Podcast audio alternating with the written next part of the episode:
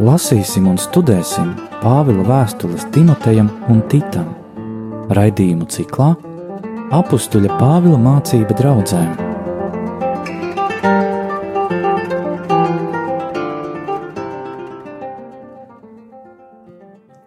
Slavēts Jēzus Kristus! Mūžīgi mūžos slavēts! Studijā Stela un Anžela un Kristus ir augšām cēlies. Patiesi augšām cēlies. Kā šodien turpinam lasīt apstuļu Pāvila pirmo vēstuli Timotejam, bet jau pagājušajā reizē mūsu raidījums izvērsās tāds, ka mēs nelasām pat nodaļas pēc kārtas, bet vairāk pat apskatām kādu konkrētu tēmu, jo arī tā tēma, kuru mēs sāksim apskatīt šodien, kāds ir šī, šis, kāda ir garīgās vadības struktūra pirmajās draudzēs, arī tas ir skarts vairākos fragmentos apstuļu Pāvila vēstulē. Pirmajā vēstulē Timotejam tas ir, un nedaudz tas ir arī vēstulē Titam. Un skatoties jau dziļāk, redzēsim, ka tur šīs uzrunas, tie nosaukumi ir arī, piemēram, vēstulē Filipiešiem, arī apstuļu darbos ir redzami šīs uzrunas, un redzēsim, ka tur šis pirmdraudzes vadības struktūra bija krietni atšķirīga nekā mēs esam pieraduši.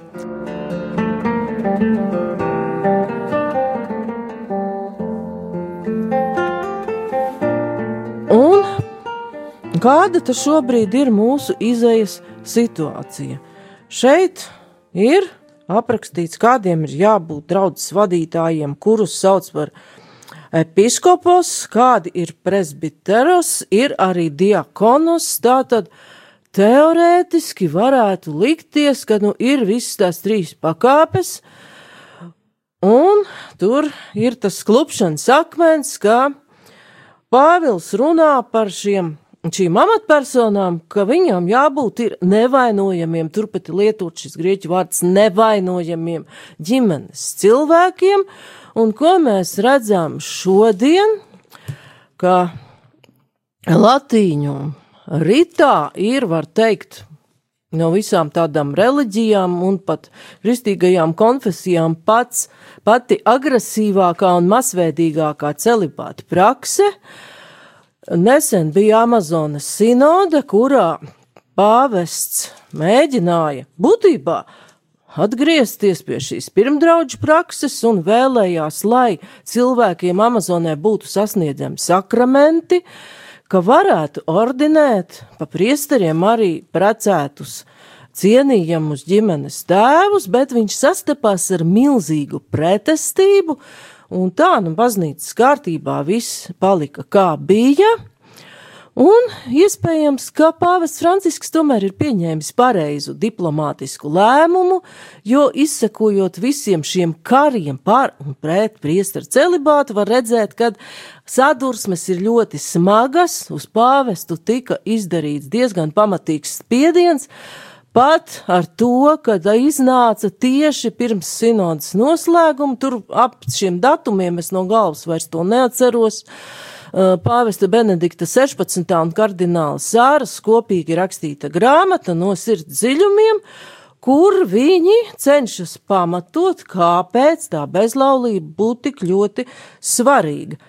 Tajā pašā laikā pasaulē cilvēki baznīcā sūdzās katoļu baznīcā, ka trūkst aicinājumu uz priesteru kārtu, trūkst aicinājumu, bet uz šo brīdi ir sanācis tā, ka rodas pārdomas, vai tomēr ļoti pieķeroties vienai noteiktai praksē, kas ir devusi daudz labus augļus un mobilizē šos cilvēkus tiešām darboties šai vienā virzienā, uh, kalpošanai dievam, vai ar to nav uzlikts diezgan liels uzpurnis dieva apredzībai un viņa milzīgajām iespējām. No vienas puses mēs sakām, Dievam visas lietas ir iespējamas, taču šobrīd iznāk, ka viņam nav iespējams dot latīņa rita tradīcijā precētam cilvēkam aicinājumu uz priesterību.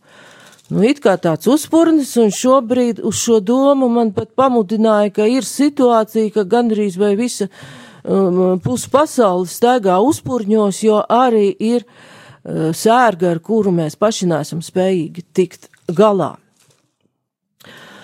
Un ir pat tādas uh, domas, var lasīt tās pat Facebookā, ir tāds uh, resurs Čivitas LV, ka pāvests gandrīz ir organizējis sazvērestību un mēģinājis sagādāt tur priesteriem sievas, kas, starp citu, nav patiesība. Čivits ieraksta autors balstās vārdā nenosaukta itāļu teologa tekstā. Un ka tad nu šī sazvērestība gandrīz vai ir vainīga ir viens no vainas faktoriem, kad nu ir koronavīrus. Vai tiešām tā ideja ir tik briesmīga, un vai pāvests Francisks ir tik ļoti nogrēkojies, ja ir bijis šis ierosinājums, un to ir atbalstījuši arī attiecīgā reģionā darbojušies daļa bīskapu, ordinēt precētus godājumus ģimenes tēvus priesteru kārtā. Vai tā tomēr nav atgriešanās pie ļoti, ļoti senas kārtības. Pēc mūzikas pauzes sāksim iedziļināties tajā, ko par to raksta Pāvils.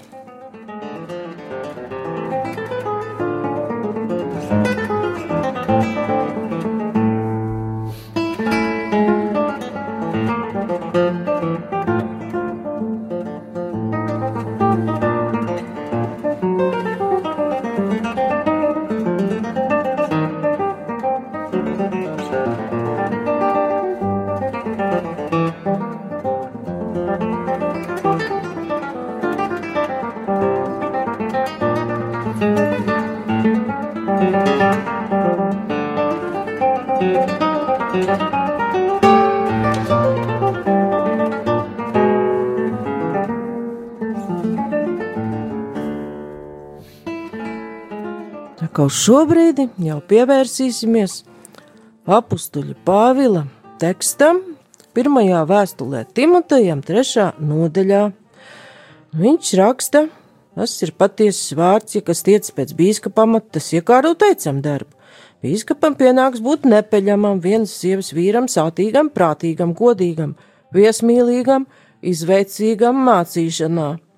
Ai, un tālāk ir ļoti mūsdienīgi, jāsaka. Trešais pants. Ne dzērājam, ne kauslim, bet lēnīgam, ne ķildīgam, ne mantkārīgam, tādam, kas labi valda savu namu, kas bērns tur paklausībā un pilnā godbijībā. Niekavās ir atstāts, bet, ja kas neprot valdīt sava paša namu, kā tas gādās par dieva draudzi, ne jaunas griestam, lai viņš neuzpūstos un neiekristu vēlna tiesā bet viņam vajag būt arī labā slavā pie tiem, kas ir ārpusē, lai viņš neiekristu neslavā un vēlna valgā. Tālāk atkal no 8. panta ir runa par diakoniem. Arī tiem ir līdzīgas prasības, Tā kā prasības praktiski neatšķiras, kaut gan no mūsdienu skatu punktu liktos, vai dieniņi tās taču ir it kā uh, divi galīgi kaut kāda atšķirīgas, eh, atšķirīga ranga personas. Bet, eh, lūkojoties tālāk, ko par to saka Bībeles pētnieki, redzēsim, ka toreiz tas bija savādāk. Nu, un Pāvila vēstulē Titam mēs redzam gan tos bīskapus, gan arī tādēļ es tevi atstāju Krētā. Viens pieci Pāvila vēstuli Titam lai tu tur nokārtotu to, kas vēl atlika, un katrā pilsētā ieceltu presbiterus tā, kā es tev liku darīt. Tiem jābūt nevainojamiem, vienas sievas vīriem, kam bērni ticīgi, nevis palaidņi vai nepaklausīgi. Tad, ko mēs vēl varam ieraudzīt no tā visa, ko centos te nolasīt priekšā? Šie cilvēki ir paredzēts, ka tie ir ģimenes cilvēki, tā tad ļoti tuvu savai draudzē, tiem cilvēkiem, kuriem viņi ir iecelti par mācītājiem un ganītājiem.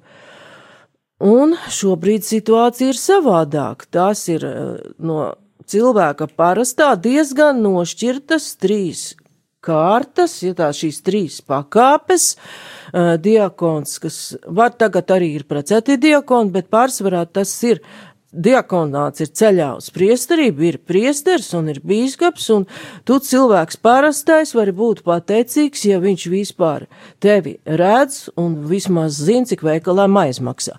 Nu, toreiz šie cilvēki dzīvo ļoti ciešā saskarē ar savu draudzi, un tā tad ir lietas kursā par visu, kas tajā notiek un kā cilvēki tur dzīvo.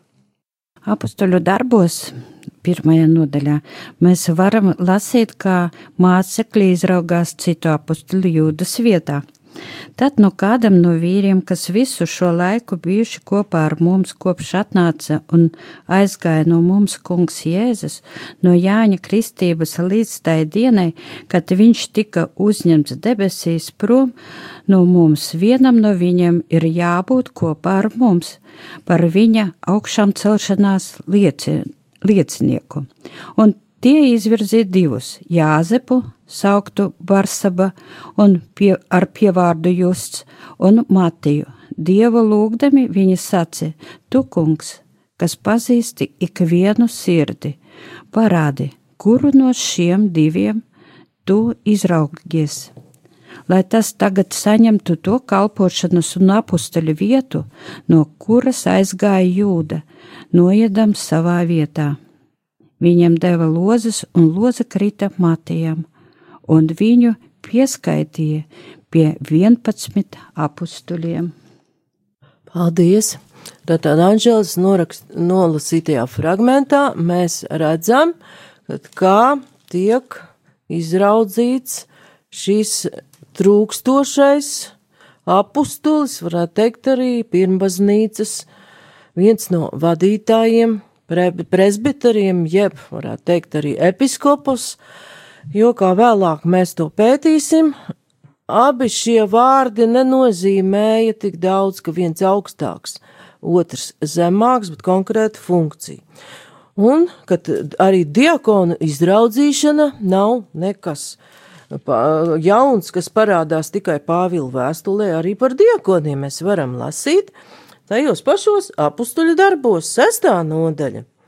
Tanīs dienās mācekļu skaitam pieaugot helēnistu starpā radās kurnēšana pret ebrejiem, ka viņu atraitnes dienasčajā apkalpošanā paliekot neievērodams. Tie 12 saicināja visus mācekļus un sacīja: Nav pareizi, ka mēs kalpodam pie galda, atstājam novārtā dieva vārdu.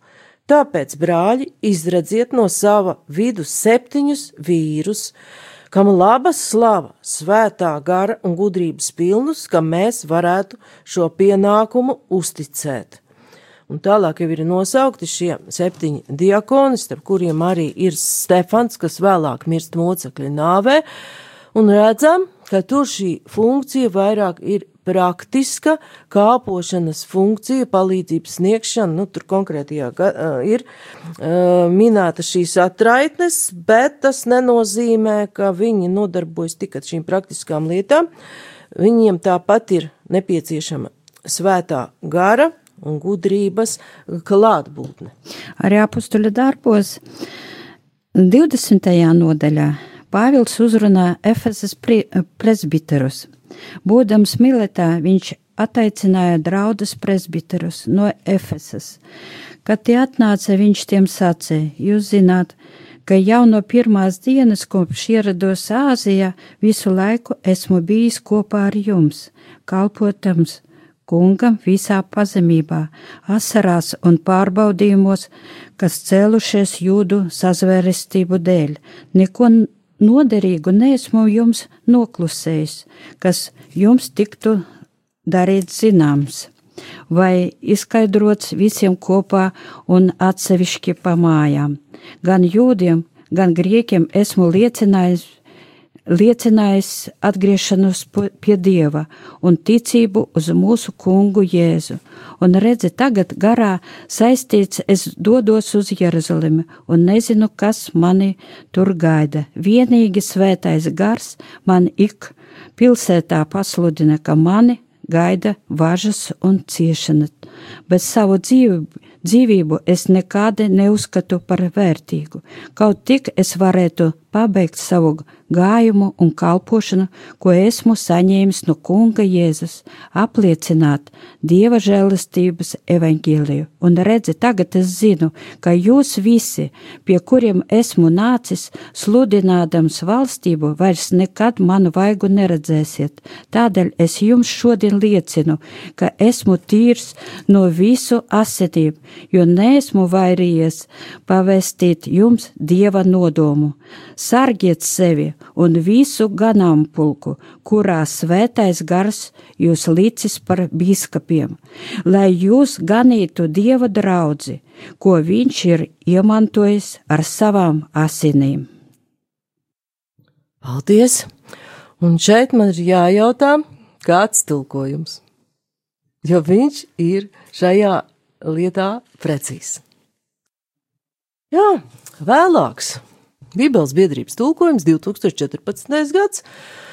Man ir tāds 1965. gada variants, kurā nekā nevar saprast. Ir draudzes vecajie, bet tos bīskaps mēs tur neredzam. Sargiem ganīt dieva draudzi, vienkārši sargi. Tad, tad Anžēlas tulkojums ir precīzāks un saprotam, ka tur ir runa cilvēkiem, kas dara vienu un to pašu darbu, bet viņi ir nosaukti dažādos vārdos. Tur ir šie vecie, jeb presbiteri, un vēlāk, tālākā pantā ir šie bīskapi, jeb episkopoji uzraugi. Un līdz ar to Anģels lasītais teksts mūs noved jau pie tā, ka ir liederīgi paskatīties, kāpēc ir divi tādi vārdi un ko šie amati nozīmēja pirmajās draudzēs, un no kurienes tie vispār ir cēlušies. Vai tā ir kāda jauna tradīcija, vai tā izsaknes ir vēsturiski vēl senākas, ka ir šāda vecajo padomi, jeb sapulce, kas vada uh, reliģisku kopienu.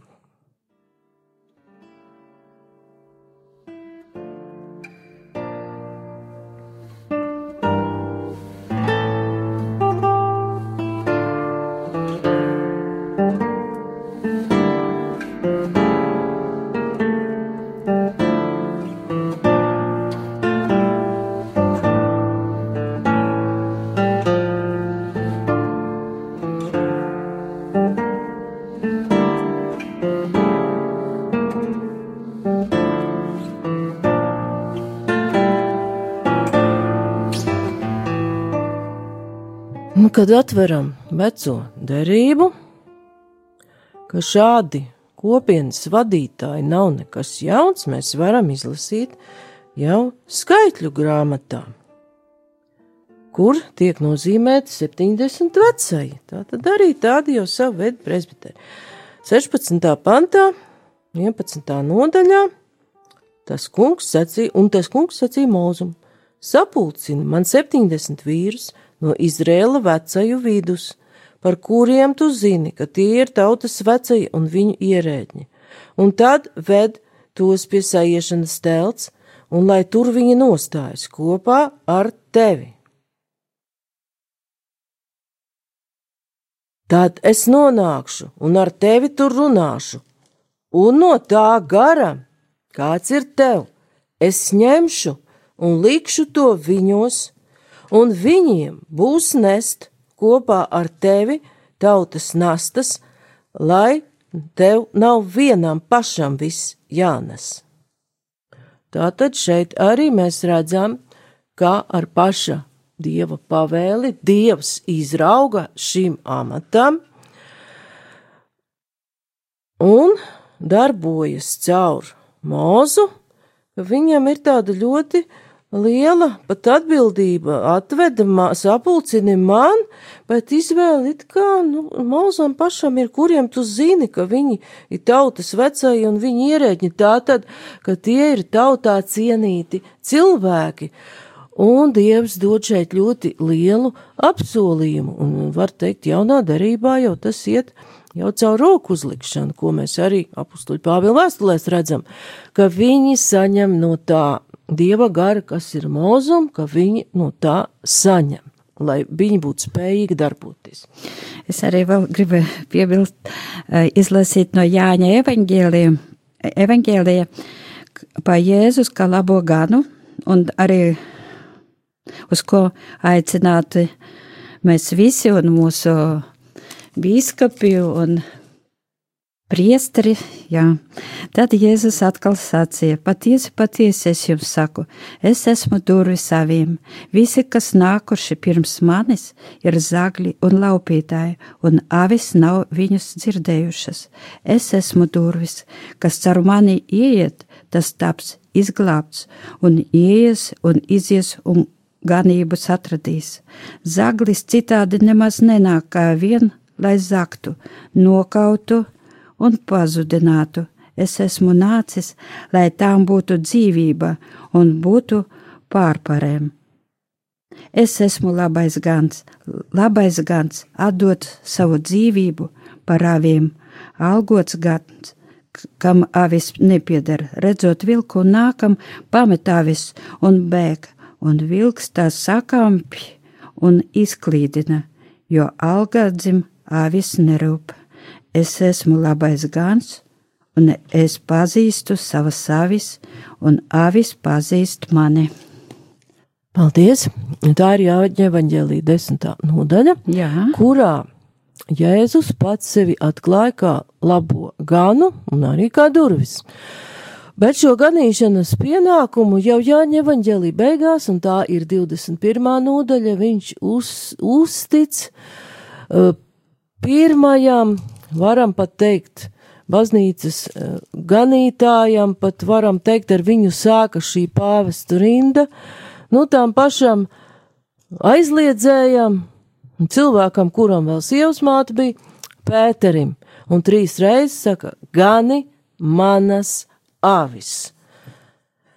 Tas ir Jāņa evaņģēlijas 21. nodaļa, un tur trīs reizes, un ir uh, šis jautājums, vai tu mani mīli, Jēzus jautā Pēterim, un Pēteris, ad, un uh, tur jautājums ir izteikts ar dažādiem grieķu vārdiem, Pēters pieņem šo aicinājumu, un viņam tiek dotas arī attiecīgi ļoti lielas pilnvaras, lai viņš varētu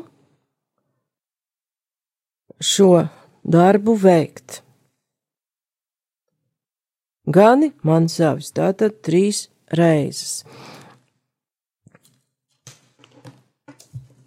Un pēc mūzikas pauzes, lai šodien beigtu raidījumu, mēs nedaudz paskatīsimies, kā tie amati ir cēlušies, jo te jau iezīmējas tas, kad ir tādi kā vecākie, un ir tādi kā novērotāji uzraugi, jeb krieviski bļusciķiļi, un no kurienes tas īsti ir nācis.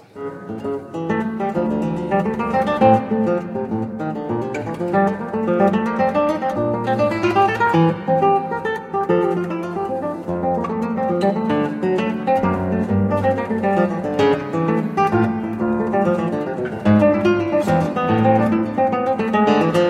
Studijā Stela Jurgena un Anģela Roze Juniķa.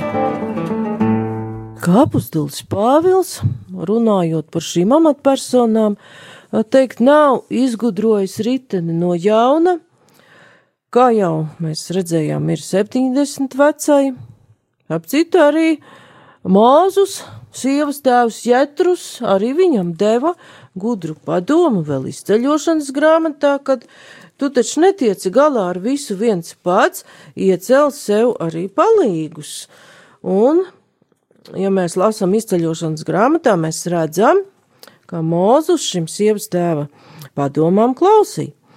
18. nodaļa izceļošanas grāmata Jētrus, Midiāna priesteris. Mūzes sievas tēvs dzirdēja visu, ko Dievs Mūzum un Izrēlam savai tautai bija darījis, ka tas kungs Izrēlu bija izvedis no Ēģiptes. Un viņš redz, ka mūzum arī ir problēma, ka viņš ka augām dienām apsēžas, lai tiesātu ļaudis, un ļaudis mūzus priekšā stāv no rīta līdz vakaram, un 14. pantā Mūzes sievas tēvs noskatījās visu, ko Mūzes tautai darīja. Viņš sacīja, kas tas ir, ko tu dari tautai? Kādēļ tu sēdi atsevišķi, un tauta stāv tavā priekšā no rīta līdz vakaram? Un Mūzes atbild, ka tauta nāk vaicāt dieva prātu, bet sievas tēvs viņam saka 17. pantā, un Mūzes sievas tēvs viņam sacīja: Tā nav labi, kā tu to dari. Tu gurdini pagursi, un tavi ļaudis, kas pie tevis, jo pārāk grūts tev ir šis pienākums. Tu nespēsi to izpildīt viens pats. Tagad paklausi mani, es tev došu padomu, un Dievs būs ar tevi. Nostājies tu tautas labā Dieva priekšā un nestās lietas Dieva priekšā. Māci tiem likums un bauslību.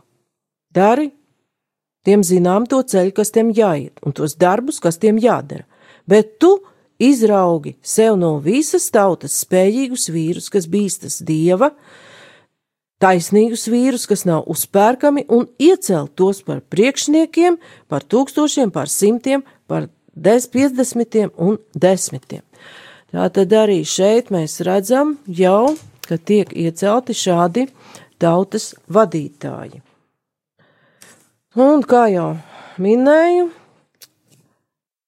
Tas nav nekas jauns, arī sinagogā bija vecākie un uzraugi jūdu kopienas vadītāji, un tādas vecāko padomas kā varas orgāns bija arī citās tautās, piemēram, Spartā, arī Romā, senāts, un pat šis nosaukums senāts, tagad arī Amerikā ir senāts, un vēl dažās valstīs tā sauc to, to parlamentu, Vā, nāk no vārda seneke, vecs. Tātad tie ir vecākie, bet tas episkopos jaunā darībā burtiski pārvaldnieks. Romā vai arī uzraugs, kā septokintā, tas ir svētie raksti grieķu valodā tulkot. Nu, un Romā, Grieķijā tas bija sabiedrisko darbu un sabiedrisko celtņu uzraugs. Grieķiem tas bija cilvēks, tā tad runa ir par šo vārdu episkopus, kuru sūtīja lietu vadīšanai jaunapgūtās kolonijās.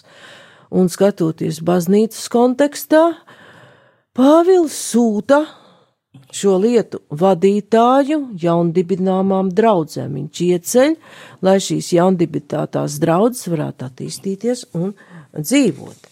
Tas bija speciāls pilnvarotājs pilsētas lietu kārtošanā šajā sabiedrībā, kurā Pāvils dzīvoja. Nu, Romā episkopus persona, kas kontrolē tirdzniecību un pārtiku Romā.